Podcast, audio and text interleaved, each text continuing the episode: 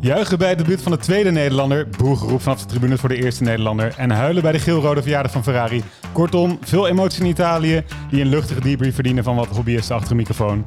Welkom bij de Flats Podcast. You need to go, you need to go. Bottas is coming. uh, last year uh, for two points. Uh, I mean, I fucked uh, the whole paddock, you know. So Mikey, blue flags. Even kijken hoe Tom die race beleefd heeft. Niet normaal.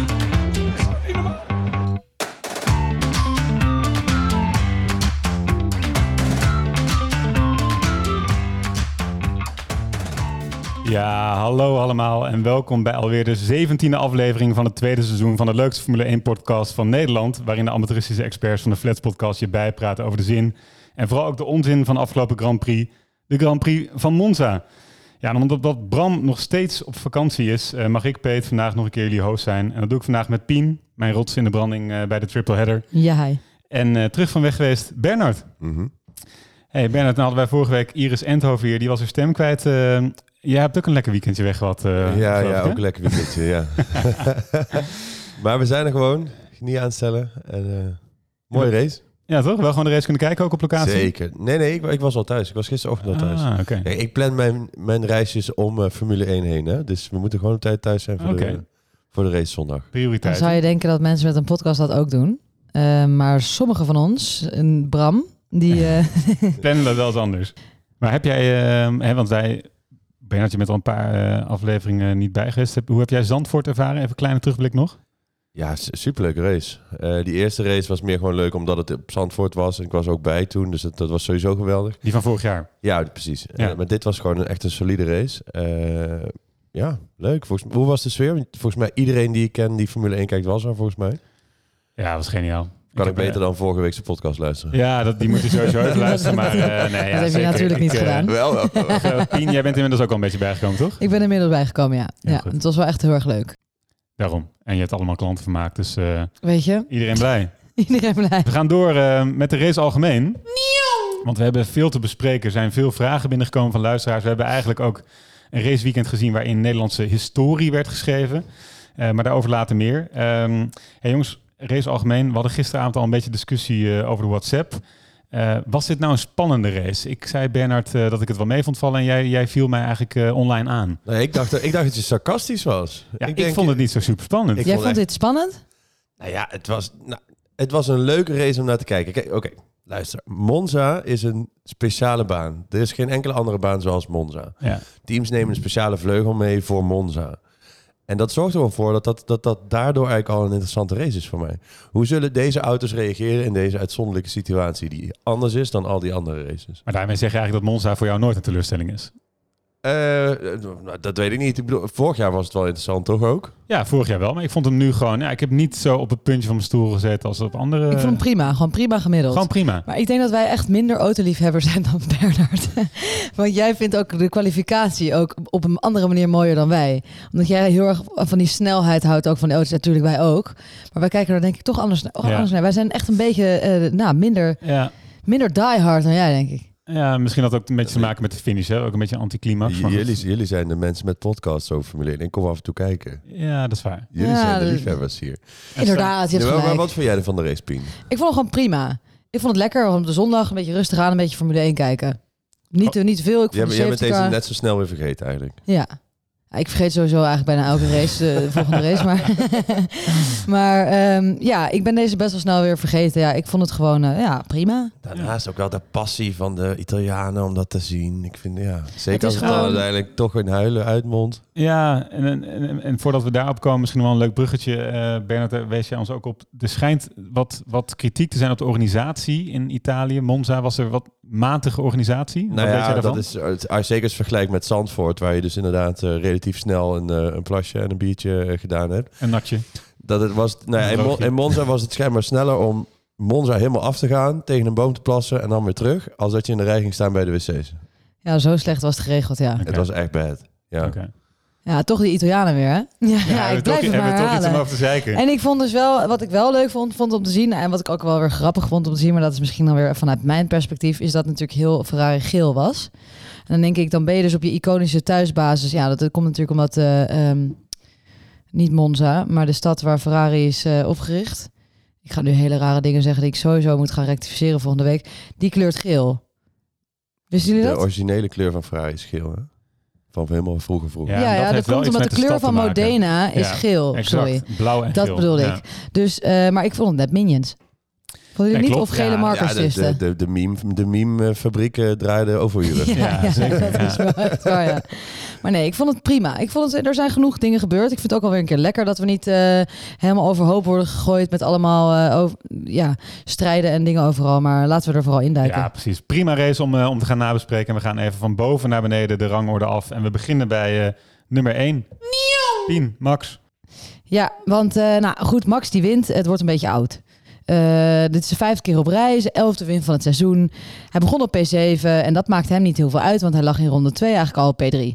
Eh, hij had door een strategie gok en dan denk je, oeh, Ferrari doet dat nou niet. Van Ferrari had hij een afwijkende strategie, waarmee hij sowieso verzekerd was van de winst. Maar wat de strategie ook was geweest, is mijn mening, hij was te snel voor de rest van het veld.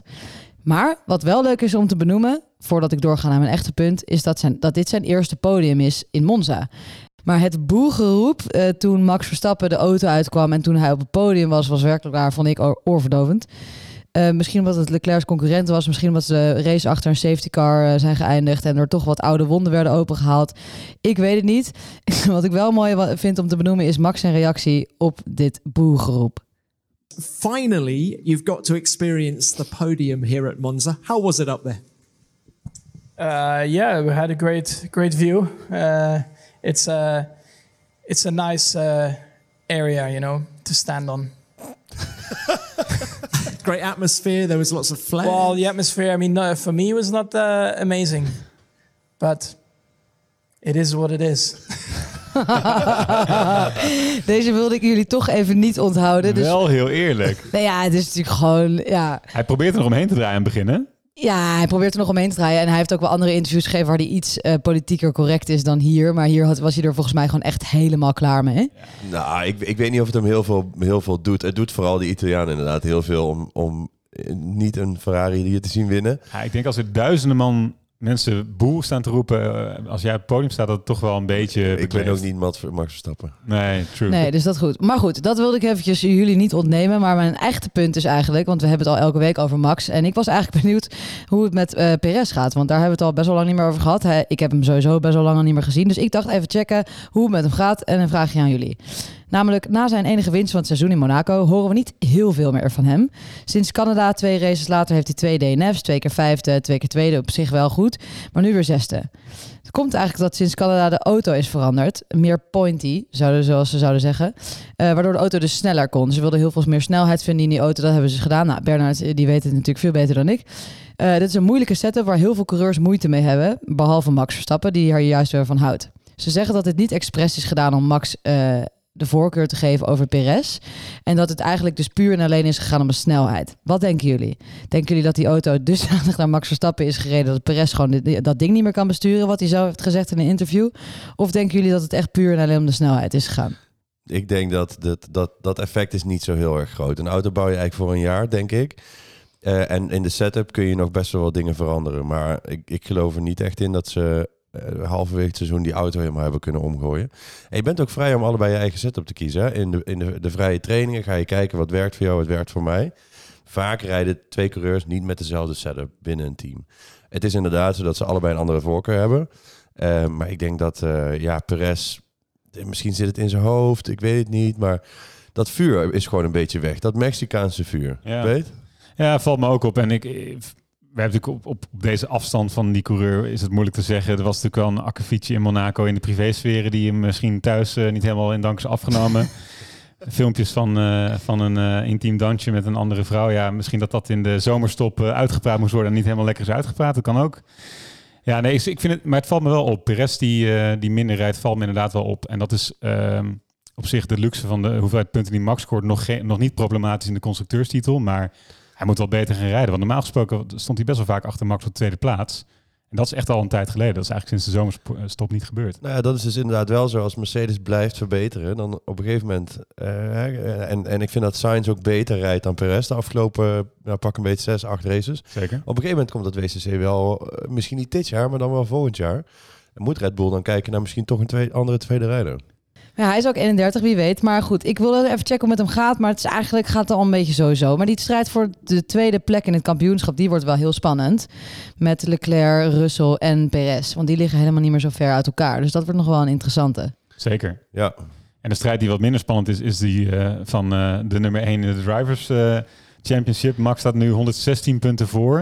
En het werd al even geroepen, ook in de Viaplay Studio. Maar het kan theoretisch zijn dat in die komende race wereldkampioen wordt. Dan moet Leclerc uitvallen Het is en, wel eens en Max gebeurd. winnen. Ja. Is wel eens gebeurd, ja? Ja. Over uitvallen gesproken, eh, wist je dat er dus een, een eh, vloek is op Monza? Ja. Elke keer als je een race wint, dan valt het jaar, jaar daarna uit. Dus Max Verstappen, sp- voorspel ik bij deze, gaat volgend jaar uitvallen. Gasly heeft namelijk twee jaar geleden gewonnen en vorig jaar uitgevallen. Ricciardo vorig jaar gewonnen en dit jaar uitgevallen. Dus Max Verstappen heeft volgend jaar, als het goed is, een uitvalbeurt aan zijn broek hangen. Oké, nou dat eh, schrijven we op, noteren we, gaan we volgend jaar bekijken. Ehm, wij gaan even een mooi bruggetje maken, want eh, een van de dingen die eh, Max Ritzegen nog bijna in gevaar bracht, was een of andere gekke safety car situatie aan het eind. Eh, en wat via keuzes die niet door iedereen in dank werden afgenomen. Dus we gaan even door naar, ook terug van weg geweest, via fiasco. Lekker hè, P? Heerlijk. Michael, this is ahead, Toto. Uh, Michael, I just sent you an email.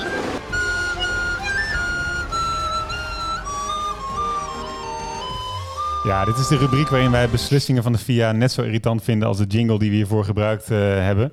Ehm, en wat eh, viel dit keer op? Nou ja, eh, eigenlijk waren aan het eind van de race inderdaad was er een safety car en er gingen twee dingen fout zou je kunnen zeggen. Alle- Allereerst kwam er een safety car de baan op. Hè? Dus Ricciardo die viel uit. Het was volgens mij ronde 48. Ehm, en die stond gewoon midden op de baan stil. Dus de safety car ehm, moest, moest de baan opkomen. Maar die safety car die moet normaal gesproken de leider in het veld oppakken. En wat gebeurde er in alle chaos? Hij miste Verstappen en Leclerc, de twee koplopers, en kwam voor Russell op de baan. Nou, dat heeft heel veel tijd gekost. Ehm, en daarna wordt de, de FIA verweten dat het sowieso te traag gehandeld heeft. eh, te lang duurde voordat de auto's die een ronde achter liggen ehm, vrijgegeven werden en eh, een rondje in konden halen. Waardoor dus uiteindelijk die race achter de safety cars eh, is geëindigd. En het was nou net de afspraak van de teams en de FIA eh, om er alles aan te doen om een Grand Prix racend af te sluiten. Nou, wij kregen via de DM op Instagram de volgende vraag binnen van Igor. Waarom worden er bij een safety car situatie in de laatste vijf ronden van een Grand Prix gewoon niet standaard een rode vlag gezwaaid en alle coureurs naar binnen gehaald? Dan heb je dus sowieso voorkom je dan dat dit gebeurt en heb je dus ook eh, voorkom je ook situaties zoals vorig jaar in Abu Dhabi. Wat eh, vonden jullie van deze suggestie? Ja, ik, ik, ik snap het wel. Mijn eerste reactie was, oh, goed idee. Maar dan ga je nadenken van, oké, wat voor haken en ogen zou die aan kunnen zitten? En ik ken natuurlijk ook uit het verleden wel dat in Formule 1 soms wel eh, rigoureuze maatregelen zijn genomen. Er is in het verleden wel eens met opzet gecrashed bijvoorbeeld. En er zouden situaties kunnen zijn waarin het dus voordelig is om nou, niet in de zesde ronde voor het einde, maar in de vijfde ronde voor het einde hem even tegen de muur te zetten. En dan een rode vlag te krijgen. Je mag ook allemaal nieuwe banden kiezen dan natuurlijk weer. Ja. Dat, stel dat jij dan nog een setje, of ja, je teammaat dan, want jij hebt hem in de muur gezet. Je teammaat nog een, een set verse rode banden heeft, kan dat wel ja, iets veroorzaken wat je eigenlijk niet wil hebben. Maar, dat gezegd hebbende, zoals vandaag, moet het natuurlijk ook niet te vaak gebeuren, of zoals gisteren. Ik vind het lang geen gek idee. Want het was ook, het, maar het duurde überhaupt langer voordat die safety car werd ingezet, toch? lang. Omdat ze, hem dus niet, omdat ze hem dus niet in de P kregen. Ah, jongens, hè, dus internet is redelijk losgegaan, want eh, wie gaan er helemaal over een baard heen? Dat zijn dus alle Engelsen die vorig jaar hebben gezien dat er eh, alles aan werd gedaan om wel racend eh, te eindigen in Abu Dhabi en dus Max wereldkampioen werd. En nu hè, wordt er wel achter een safety car geëindigd. We gaan, eh, we gaan verder, jongens. We gaan door naar eh, eh, de tweede man eh, op eh, de eindklassering. En dat is Charles Leclerc. Ja, het was een eh, bijzonder weekend voor eh, Circus Ferrari. Want niet alleen stond er een optreden voor eigen publiek, in Italië gepland. Het was ook tijd voor de 75ste verjaardag van het automerk Ferrari. En dus zagen we zowel de auto's als coureurs in een nieuw rode jasje met, eh, met gele toevoegingen. En was er het team alles aangelegen om niet te veel flaters te slaan dit weekend. En dat lukte eigenlijk behoorlijk goed. Want Ferrari was op vrijdag de snelste in de trainingen, zien we wel vaker. Maar Leclerc eh, pakte zowaar ook pole position op zaterdag, waardoor er toch een feestje kon worden gevierd in Italië dit weekend. Op zondag echter waren Red Bull en Max eh, een maatje te groot. Maar dat betekent niet dat Ferrari eh, niet van alles probeerde om dat te veranderen. Maar, zo moet men bij Ferrari gedacht hebben, voordat we eventueel weer een strategische fout begaan, laten we eerst wel alles overleggen met onze coureurs voordat we iets stoms doen. en eh, dat ging ongeveer zo. So Charles, if Verstappen goes to plan C, we would like to go to plan B. Are you happy with that? Yes, copy. Copy. What do you think about boxing for plan A? Uh, yeah, it will be tight, but uh, it's probably the best solution, yeah. and we are thinking plan C, plan C. Het was weer een eh, Ferrari ABC'tje. Maar wacht, denk je dat hij... Denk je dat ze dit zelf hebben besloten? Of denk je dat Leclerc in die eh, drivers meeting met Ferrari heeft gezegd... Yo, eh, volgende keer... Alles wat je doet, check je met mij. Je neemt Ja, geen nou, beslissing meer voordat ik er oké mee heb Leclerc lijkt er in ieder geval niet van op te kijken dat ze het aan hem vragen. Maar goed, wij, wij blijven ons natuurlijk wel over verbazen. Maar goed, na deze zeer democratisch bepaalde racestrategie bij Ferrari... weten we inmiddels hoe de race verliep. Na de tweede pitstop van Leclerc naar Sofs... had hij meer dan 20 seconden afstand op Verstappen... met slechts nog 18 ronden te gaan. Een onmogelijke opgave dus. Totdat er een sprankje hoop volgde bij de safety car... waar we het net over hadden, die aan het slot van de race op de baan kwam. Toen echter bleek eh, dat de race eh, achter de safety car uitgereden zou worden... was de teleurstelling bij Charles eh, wel even groot en hoorbaar op de boordradio. And we will finish the race behind the safety car. Come on. It's clear, come on. It's a joke. It's a big joke. The, the track was cleared. Come on. Come on. We are Formula 1. Ja, flink, eh, flink potje balen bij Ferrari. Natuurlijk zeker voor het thuispubliek. Ehm, maar jongens, de vraag die uh, menigeen bezig hield gisteren eh, na de finish was... eh, hadden Ferrari en Leclerc eh, misschien nog een kans gehad om Max te passeren op eh, rode banden? Zo'n eh, één ronde voor de finish. Nee. Weet kort of het lange antwoord? Dus allebei nee. ja, ja, het is weer- Nou, duidelijk, Nee. duidelijk maar, maar ligt het toe, eh, Bernard? Jij, jij denkt van niet. Nou ja, je zag het in de vrije training al. De race pace van Red Bull is een stuk beter. Eh, maar eigenlijk wat ik wel leuk vind om te discussiëren, om, om over te discussiëren, en ik zie ook in een hoop commentaren online dat er echt een beetje twee kampen zijn. Was het nou goed of niet dat, Vet, dat Leclerc vroeg pitten? Het is heel makkelijk om achteraf te zeggen nee. Maar het was wel heel vroeg. Want ik denk, de- ik ben, ik ben kamp dat het wel goed was. Want als je de strategie van Verstappen zou gaan spiegelen, zou je het sowieso niet halen. Dat was al duidelijk. Maar nu kwam hij dus met 20 seconden ruim, 20 seconden achterstand eh, op de baan met nog 18 ronden op de klok.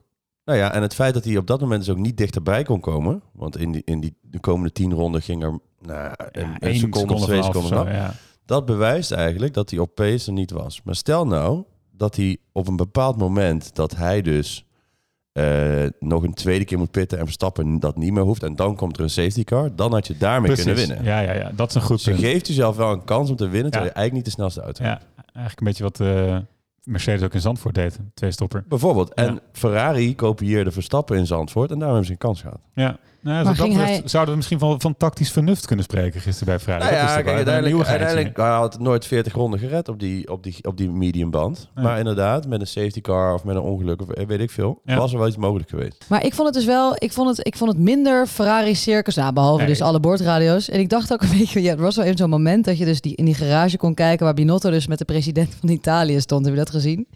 Toen dacht ik echt, wauw, nu komt dus echt de grote baas even kijken. En Binotto die zat daar waarschijnlijk echt te zweten, Ja, want ik die dacht de grote baas komt. ik mag het niet verpesten. Iedereen in dat land die enige vorm van macht of invloed op dat team heeft, heeft gezegd: jongens, la- dat die circus echt van jullie, laat je olifanten, kamelen en kangoeroes thuis. eh, we gaan nu één weekend normaal doen. Want eh, we willen gewoon normaal hier een verjaardag kunnen vieren en, eh, en niet totaal voor lul staan. Ik, heb gezien, ik denk dat ze heel veel zo hun adem hebben ingehouden deze race. Van, even goed eh, alles regelen voor iedereen. En volgende week kunnen ze het weer, he- volgende race kunnen ze het weer helemaal laten gaan. En dan hopelijk Ja. is het er gewoon weer Ja, circus. dan wordt het volgende, eh, de volgende race van, ons weer genieten. hebben opgespaard, de clown act. Ja, precies. Ja, nee, maar eh Ferrari geslaagd wat mij betreft. De auto was gewoon niet snel genoeg. Hey, jongens, we gaan verder. eh, genoeg over Ferrari. We gaan door naar eh, eh, de lekenvraag voor deze week. Uh, Michael, I just send you an email um, with the diagrams where the car should be. Did you receive that? Uh, yeah, then you should maybe look at this because there is something with the rules coming.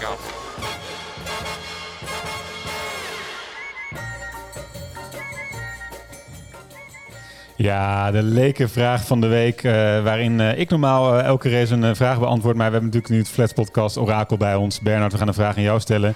Deze week, dit weekend, vraagtekens alom bij alle gridstraffen die we zagen, uitgedeeld zagen worden. Waardoor we vanaf kwalificatie naar race een totaal debiele puzzel moesten maken. Maar wat was nou nog meer eh, aan de hand? Na die kwalificatie ehm, wisten coureurs ongeveer vier uur lang niet, ook niet waar ze aan toe waren. Coureurs gingen twitteren, gingen journalisten in de paddock vragen... jongens, weten jullie waar ik morgen start? Het was één grote chaos. Bernard, kun jij enige vorm van licht schijnen op dit probleem? Ik, ik, ik kan het probleem helemaal verlichten. Maar inderdaad, ik wist, ik, had, ik wist het ook niet. En ik was aan het kijken met een aantal vrienden die ook wel echt wat weten van, eh, van Formule 1. Eh, en we, geen idee. Start, Verstappen vierde, zevende, eh, zeg het maar. Maar goed, ik heb wat huiswerk gedaan en ik ga het jullie nu allemaal helemaal uitleggen. Inderdaad, hè, je krijgt dus af en toe een gridstraf. Je, je hebt een maximum aantal onderdelen die je mag gebruiken. Dingen die met de motor te maken hebben vooral. Ga je er overheen, krijg je een gridstraf. Nu werkt het zo. Je, je, gaat, je, je wikkelt een normale kwalificatie af en dan heb je 20 namen op een rij. En dat moet je ook visualiseren als 20 kaartjes voor je neus van links naar rechts, pol eh, tot en met nummer 20. En dan ga je de coureurs die een straf hebben, die, die schuif je er eigenlijk tussenuit allemaal. En die leg je dan op de plek waar ze volgens die straf zouden komen. Vervolgens, de coureurs die nog over zijn, in dit geval maar de helft of zo en de helft dan een straf, die begin je door te schuiven richting pol. Ja. Kom je dan een, de eerste eh, bestrafte tegen, in dit geval Verstappen, die ging van 2 naar 7, dan schuif je hem bij 7 weer terug erin. Dan vanuit daar ga je, begin je weer door te schuiven. En elke keer als je iemand tegenkomt die een straf heeft, schuif je die terug de rij in. En dat tot het einde. Je kan ook zoveel straf krijgen dat je back of the grid gaat. Hè? Dus dan kom je automatisch achteraan. En dat is eigenlijk hoe het gaat. Eigenlijk wel helder. Ja, de- we- en we hebben een hele mooie visualisatie gezien online die dit eigenlijk allemaal heel mooi eh, Ja. toelicht. Misschien kun je ergens wel posten. Zeker. Maar er waren dus allerlei soorten straffen. hè. Er waren vijf eh, eh, plekken, eh tien plekken, vijftien plekken back to grid. En dat maakt het. En, en inderdaad negen coureurs met een straf. dat maakt het totaal waar je allemaal een straf voor krijgt en hoeveel, dat is misschien gewoon te, je, je niet interessant genoeg voor, voor nu. Eh. Maar het is inderdaad zo dat je vaak ziet dat op een baan waar dus relatief makkelijk ingehaald kan worden en waar snelheid heel belangrijk is, dus een nieuwe motor is fijn, Ja. dat dan iedereen dat ineens gaat doen. Ja. Maar ik denk gewoon ook dat de VIA het gewoon, om het dit punt even af te sluiten, om dit, dat de VIA dit gewoon echt te moeilijk maakt. gewoon, ze, Ze ze zijn, zijn, wel, er ze zijn wel... wel aan het overleggen om het anders aan Ja, te gaan het was pakken. zaterdag echt chaos. Het Echt slaat voor het teams is- zelf ook. Maar dit was in Spa was dit ook al zo. Ja. Dus het is gewoon, het is wel geinig of zo. Maar ja, het heeft ook helemaal geen zin meer om zo'n kwalificatie te kijken. Want dan kan je net zo goed een beetje bedenken van, nou oké, leuk om even de sfeer te proeven. Maar eh, de, de grid, die, die, die lees ik wel een paar uur later. We gaan verder, jongens, naar eh, ehm, een coureur die we al een tijdje niet besproken hebben. En we vinden hem terug op P7, namelijk Lando Norris, Bernard. Ja, zet ik even mijn laptop vooraan. Lennon Norris. Eh, als regerend eh kampioenen kwamen de mannen van McLaren, want ik trek het even iets breder met Ricciardo er ook bij, aan op Monza. Eh nou ja, hoog aantal gridstraffen. Het is zojuist gezegd, uitgelegd en doorgekoud. Aan het einde van Q3 stonden ze 7 en 8. Mochten starten op 3 en 4. Eh, en ja, ik voelde wel een beetje hoop bij McLaren weer. Hè. Ze hebben toch een goed gevoel daar overgehouden vorig jaar. Je weet het nog wel, Hamilton en eh, eh, Verstappen bovenop elkaar. En de oranje mannen vooraan. Norris, dramatische start, kwam niet weg. Eh, de zogenaamde anti-stall. Dat betekent dus eigenlijk feitelijk, als hij dat stukje software niet had gehad, was hij gewoon afgeslagen als een kneus bij zijn rijexamen. Ja. Eh, hij werd lang buiten gelaten in de eerste stint, Norris. Eigenlijk volgens mij nog iets langer dan Max zelfs. Eh, waarbij de, eh, eh, Ricciardo, de eh, DRS-trein... Ik weet niet of het wel eens is uitgelegd wat dat precies is... Ja. maar die hield de hele bende een beetje op... om ervoor te zorgen dat Norris daar nog voor zou eindigen... na zijn eerste stop. Eh, eh, en dus zonder nog een keer te hoeven pitten... makkelijk eh, best of the rest zou worden. Uiteindelijk, verderop in de race... we hebben het allemaal gezien, we hebben het ook al eerder besproken... Ricciardo, auto kapot... Eh, en daardoor onder safety car geëindigd. Maar een solide race van McLaren. eh, en duidelijk de best of the rest. Als je het mij vraagt. Ehm, McLaren dit seizoen. Het is een beetje minder dan vorig jaar, volgens mij. Vorig jaar keer gewonnen, keer tweede, drie keer derde, vijf podiums. Dit jaar pas één keer op podium. Ligt dat nou aan Ricciardo? Die was vorig jaar eigenlijk ook al niet zo heel goed. Of is er iets meer aan de hand bij McLaren? Mercedes en Ferrari zijn beter dan vorig jaar, toch? Eh, ik bedoel, Ferrari bedoel ik. Ja, Ja. dus eigenlijk zij, zij zijn even goed gebleven en een ander team heeft ze ge, gejumpt eigenlijk. Nou, nee, eigenlijk niet. Ja, nou, nou, er is wel een nieuw team. Ik bedoel, vorig jaar heeft Norris best vaak derde gereden. De McLaren is gewoon echt een mindere auto dan de Ferrari en Ja, de Mercedes. die- dus de, bedoel, de zesde plek is, of boven de zesde plek eindigen is best wel uitdagend sowieso voor elke andere coureur. Ja. Ja, die nieuwe regels hebben ze geen goed gedaan. eh, wisseling naar nieuw seizoen. Zoveel is wel duidelijk. En ik heb verder een beetje het idee dat eh, ja, de sfeer in dat team misschien ook niet zo super is. Hè? Dus Ricciardo eh, wordt daar weggekeken al een tijdje lang. En wat ik bij Norris zie, ja, die zit eh, eigenlijk in niemands land op die zevende plek. En hij heeft geen concurrentie. Niet van zijn teamgenoot, maar ook niet van andere coureurs voor die zevende plek achter die drie topteams. Dus je wordt niet uitgedaagd. Je hebt niet dat stukje competitie die je als topsporter wilt hebben. Ik heb het idee dat, dat ook hij echt een soort van spook is dit jaar. Dus volgens mij is het een vrij ongezellig eh, jaar bij McLaren. Dus Nou, Het is een beetje mat allemaal. Het is een Ja. beetje vlak, heb ik het idee. Ja, vorig jaar presteerden ze echt boven verwachting. Dus dat was natuurlijk heel leuk, waardoor de sfeer heel leuk werd. En na vorig jaar verwachten ze ook een beetje dit jaar wel rond dezelfde tempo te liggen. Ze zijn wel langzamer, maar Norris is wel gewoon best of the rest, hè? Ferrari is terug, dus die, ik bedoel, de eerste zes plekken die zijn sowieso bezet. En hij is gewoon steady P7.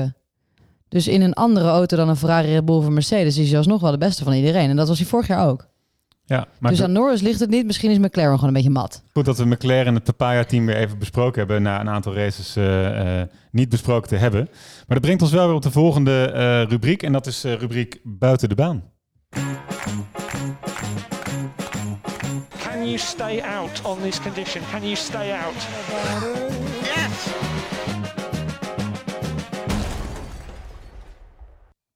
Ja, oh, zal ik hem zal ik even mijn eigen ik wil doen? zeggen, nee, ja, we, nee, we zijn halverwege onze punt. Eh, de- dus we gaan even buiten de baan. Ehm, en dat betekent dat wij eh, naar eh, ja, onze eigen juice-expert Pien gaan. Ja, want jij bent toch met mij aan het concurreren soms, hè, om de juice. Ik- Hij brengt ook hele goede juice mee, maar het laatst. is aanstekelijk, Pien. Ja, het is heel aanstekelijk. Want er is natuurlijk wel heel veel gebeurd.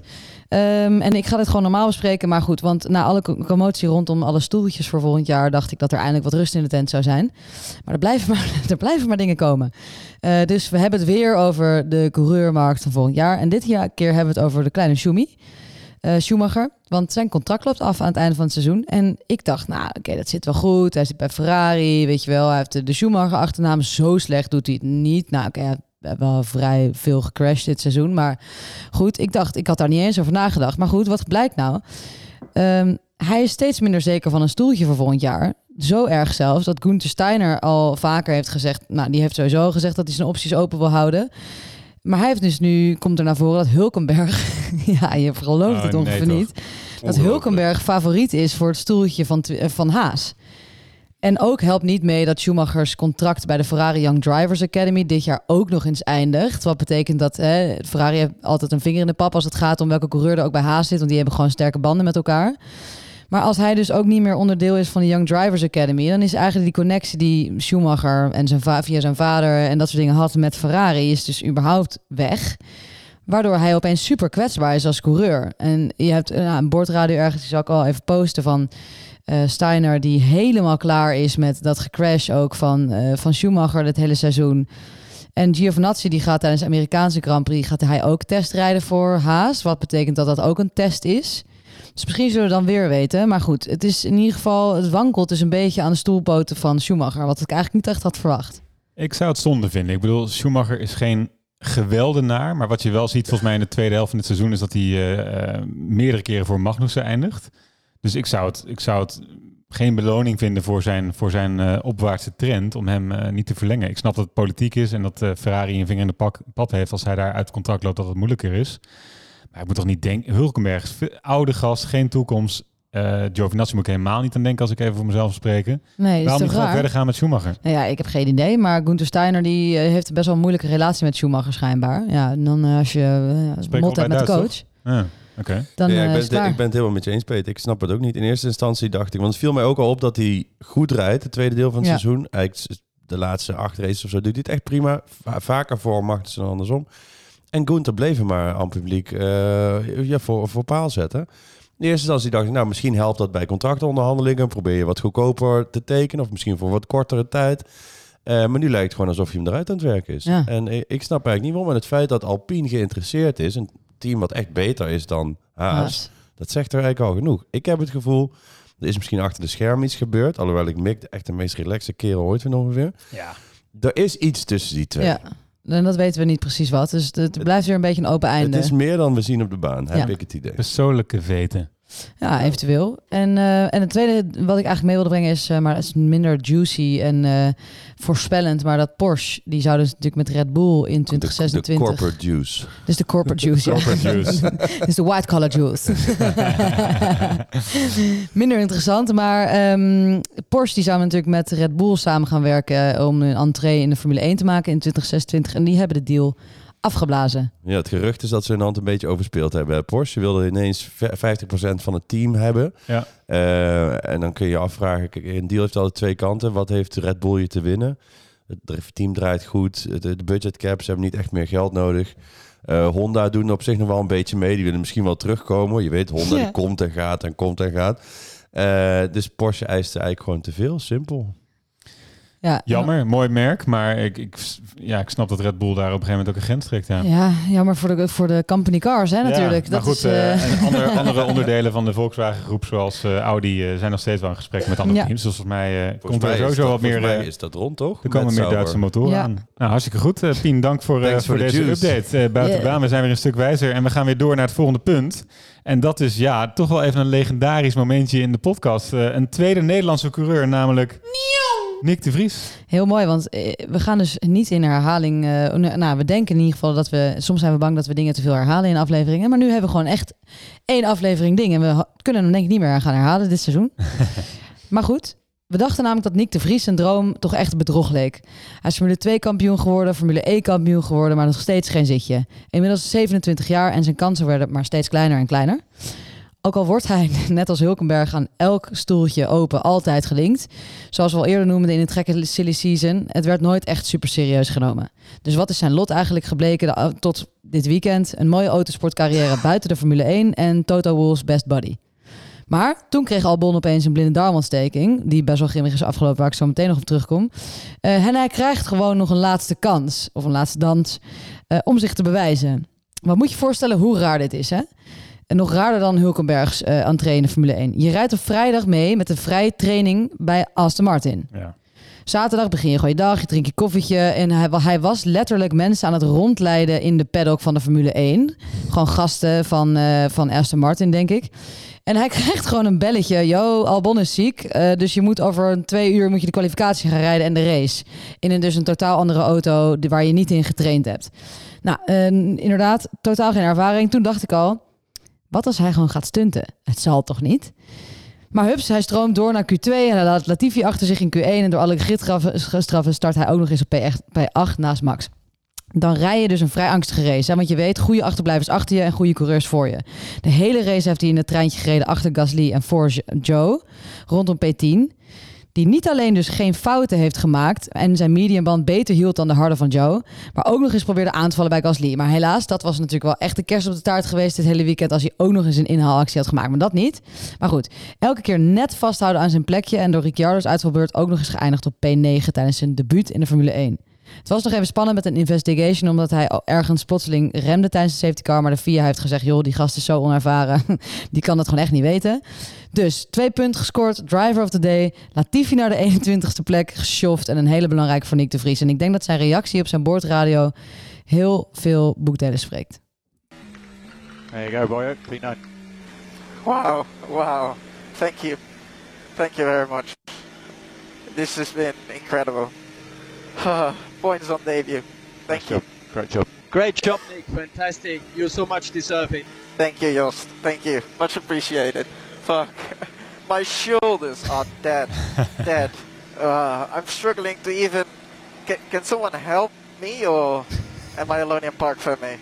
I can literally not even lift my arms anymore. Dus chill. Hij is dus zo kapot dat hij gewoon heeft. Er is ook een filmpje dat mensen hem dus uit die auto Ja, moeten ja, ja. tillen, Hij omdat hij dus gewoon niet meer niet die auto uitkomt. Maar goed, wat een ongelooflijk debuut in de Formule 1 natuurlijk. Wat ik al zei, Drive of the Day punten.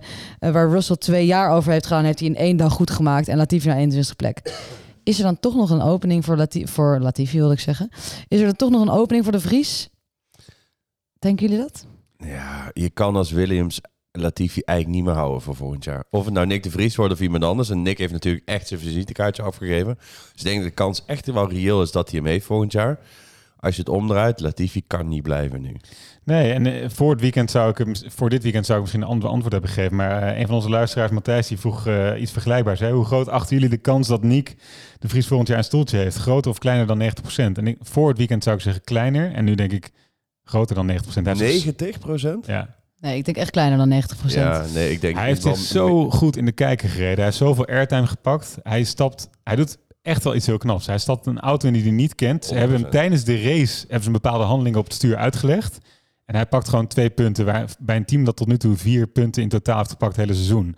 Dus hij heeft volgens mij, en je ziet ook een beetje in het interview met die eh eh, Toos, hoe heet onze vriend ook weer? Capito. Capito, dankjewel. Eh Joost Capito.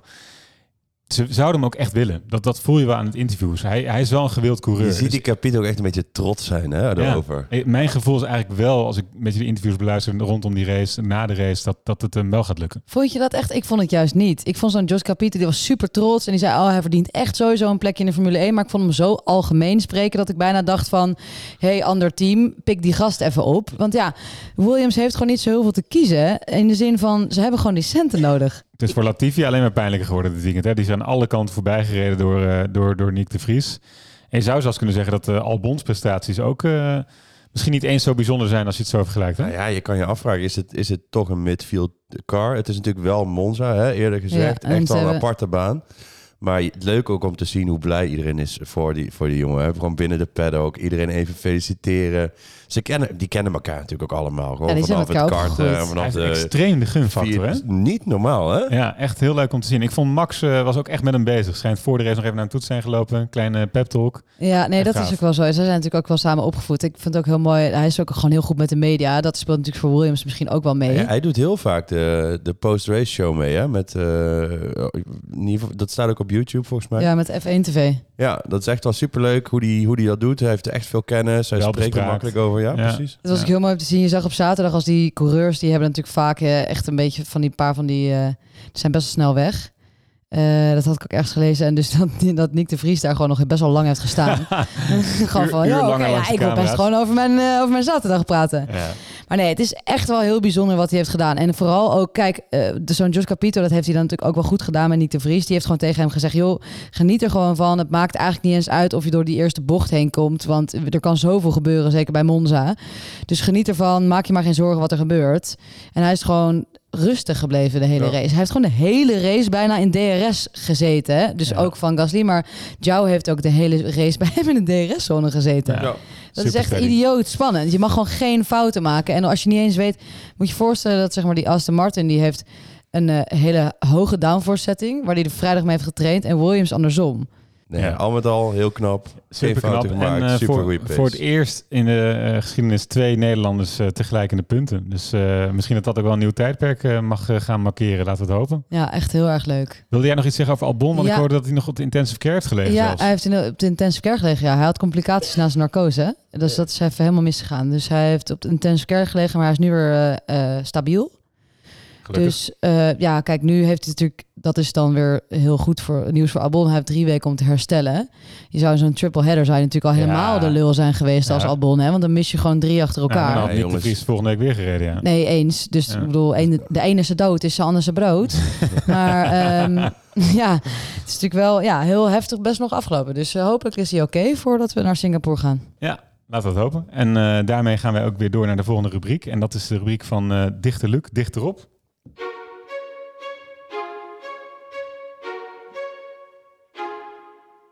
Fernando made it pretty clear. He said you have to leave it the space. All the time you have to leave it the space.